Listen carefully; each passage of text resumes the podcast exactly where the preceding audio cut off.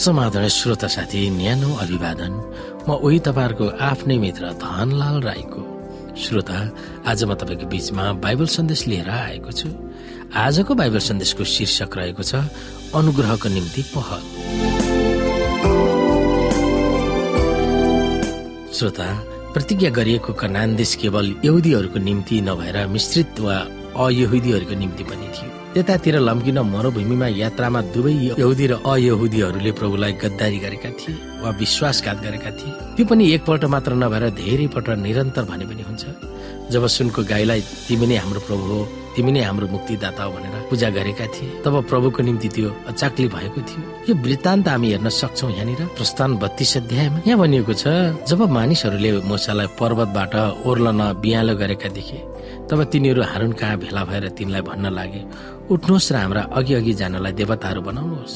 किनकि हामीलाई मिश्रबाट निकालेर ल्याउने मोसालाई के भयो हामी जान्दैनौ। हारुनले तिनीहरूलाई भने तिमीहरूका पत्नीहरू र छोराछोरीहरूका कानमा भएका सुनका कुण्डलहरू फुकाली यहाँ म कहाँ ल्यायो? तब सबै मानिसहरूले आफ्ना कानमा भएका सुनका कुण्डलहरू फुकालेर हारुन कहाँ ल्याए? तिनले ती तिनीहरूका हातबाट लिएर हतियारले खोपेर ढालेर बाछाको आकारको एउटा मूर्ति बनाए। तब तिनीहरूले भने हे इजरायली हो तिमीहरूलाई मिश्रबाट निकालेर ल्याउने तिमीहरूका देवताहरू यिनै हुन्। यो देखेर हानुनले बाछाकै सामु एउटा वेदी बनाए र तिनले यसो भनेर घोषणा गरे भोलि परमप्रभुको निम्ति एउटा चाड हुनेछ। भोलिपल्ट मानिसहरूले बिहानै सबैले उठेर होम बलि चढाएर मेल बलि पनि ल्याए। तब तिनीहरू खानापाना गर्नलाई बसे अनि त्यसपछि मोजमा डुब्न उठे तब परमप्रभुले मुसालाई भन्नुभयो तल ओर्ल किनकि तिमीले मिश्रबाट निकालेर ल्याएका तिम्रा मानिसहरूले आफैलाई भ्रष्ट पारेका छन्। तिनीहरूलाई जुन मार्गमा हिँड्ने आज्ञा मैले दिएको थिएँ त्यसबाट तिनीहरू यति चाँडै अर्कोतिर लागेका छन्। तिनीहरूले आफ्ना निम्ति बाछाका आकारमा एउटा ढालेको मूर्ति बनाएर त्यसैलाई पुजेका छन् र त्यसैको निम्ति बलि चढाएर भनेका छन् हे हो तिमीहरूलाई मिश्रबाट निकालेर ल्याउने तिमीहरूका देवताहरू यिनै हुन्। परमप्रभुले मसाला भन्नुभयो मैले यी मानिसहरूलाई देखेँ यिनीहरू त हठी मानिसहरू रहेछन्। अब मलाई नरोक र मेरो क्रोध यिनीहरूमाथि दन्कियोस्। म यिनीहरूलाई भस्म पार्नेछु अनि तिमीबाट नै म एउटा ठुलो जाति बनाउनेछु। तर मोसाले परमप्रभु आफ्ना परमेश्वरलाई आग्रहपूर्वक भने हे परमप्रभु तपाईँले आफ्नो ठुलो सामर्थ्य र शक्तिशाली हातले मिश्रबाट निकालेर ल्याउनु भएका आफ्ना मानिसहरूमाथि तपाईँको क्रोध किन यति साह्रै उल्जलेको छ? मिश्रीहरूले किन यसो भन्दै मौका पाउन्? उभलो चिताएर पर्वतहरूमा तिनीहरूलाई मार्न र तिनीहरूलाई पृथ्वीबाट नाश गर्न उहाँले तिनीहरूलाई ल्याउनु भयो। तपाईँ आफ्नो भयङ्कर क्रोधलाई शान्त गर्नुहोस् र आफ्ना मानिसहरूलाई हानि गर्नदेखि आफ्नो मन बदल्नुहोस्। आफ्ना दासहरू अब्राहम इसाक र याकुबलाई सम्झनुहोस् जुनहरूसित तपाईँले आफ्नै नाउँमा शपथ खाएर यसो भन्नुभएको थियो। म तिमीहरूका सन्तानलाई आकाशका ताराहरू जस्तै बढाउनेछु। मैले प्रतिज्ञा गरेको सारा देश तिमीहरूका सन्तानलाई दिनेछु र तिनीहरू सधैँसम्म त्यसको अधिकारी हुनेछन्। तब आफ्ना मानिसहरूलाई हानि गर्नदेखि परमप्रभुले आफ्नो मन बदल्नु भयो अनि मोसा फर्केर आफ्ना हातमा गवाईका दुवै शिलापाटी लिएर पर्वतबाट ओर्ले। ती पार्टीहरूमा अगाडि र पछाडि दुवैपट्टि लेखिएका थिए। ती पार्टीहरू परमेश्वरका काम थिए। तिनका लेखोट परमेश्वरद्वारा खोपेर लेखिएको थियो। यहोसीले मानिसहरू चिच्याएका सुनेर मोसालाई भने छाउनीमा त लडाईँको स्वर जस्तै पो सुनिँदैछ त मसाले भने यो स्वर न त जित्नेहरूको न हार्नेहरूको हो तर म त गाउनेहरूको स्वर सुन्दैछु छाउनी नेर आउँदा आउँदै मसाले बाछो र नाच देखे। मसाला साह्रै रिस उठ्यो र तिनले ती पाटेर आफ्ना हातले पर्वतको फेदीमा फ्याँकेर फुटाइदिए। तब तिनीहरूले बनाएको त्यो बाछो लिएर तिनले आगोमा जलाइदिए र त्यसलाई धुलो पिठो पारेर पानीमा छरिदिए। अनि तिनले इजरायलीहरूलाई त्यो पिउन लाए। त्यसपछि मोसाले हारुनलाई भने यी मानिसहरूले तपाईँलाई के गरेर तपाईँले यिनीहरूलाई यस्तो ठुलो पापमा लानुभयो? हारुनले जवाफ दियो हजुरको रिस ममाथि नउठोस्। तपाईँ त यी मानिसहरूलाई जान्नु नै हुन्छ।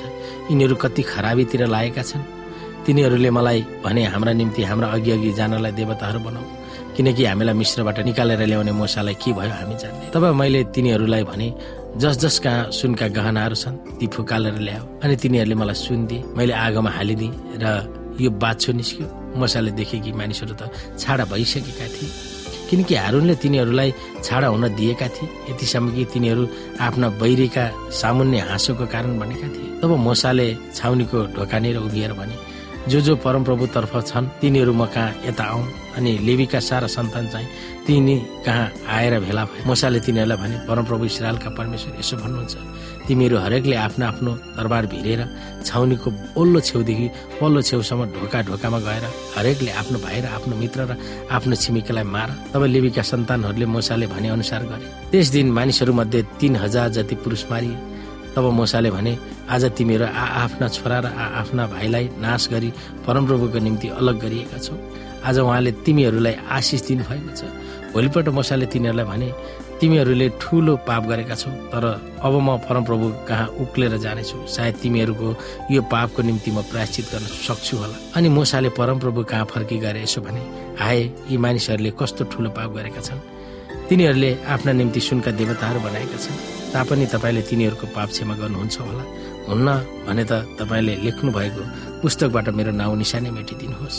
तब परमप्रभुले मसाला भन्नुभयो जसले मेरो विरुद्धमा पाप गरेको छ त्यसलाई नै म आफ्नो पुस्तकबाट मेटिदिन्छु। अब जा मैले तिमीलाई भनेको स्थानमा मानिसहरूलाई अगुवाई गरेर लैजा र तेरा दूत तिम्रो अघि अघि जानेछन्।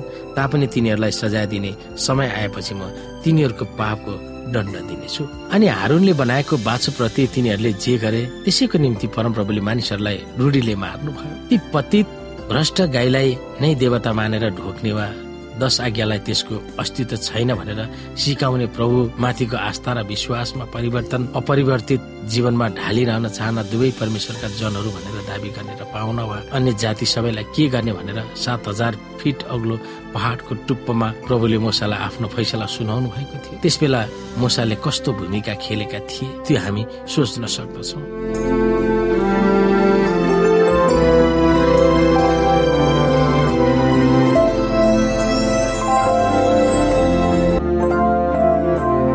श्रोता साथी आजको लागि बाइबल सन्देश यति नै।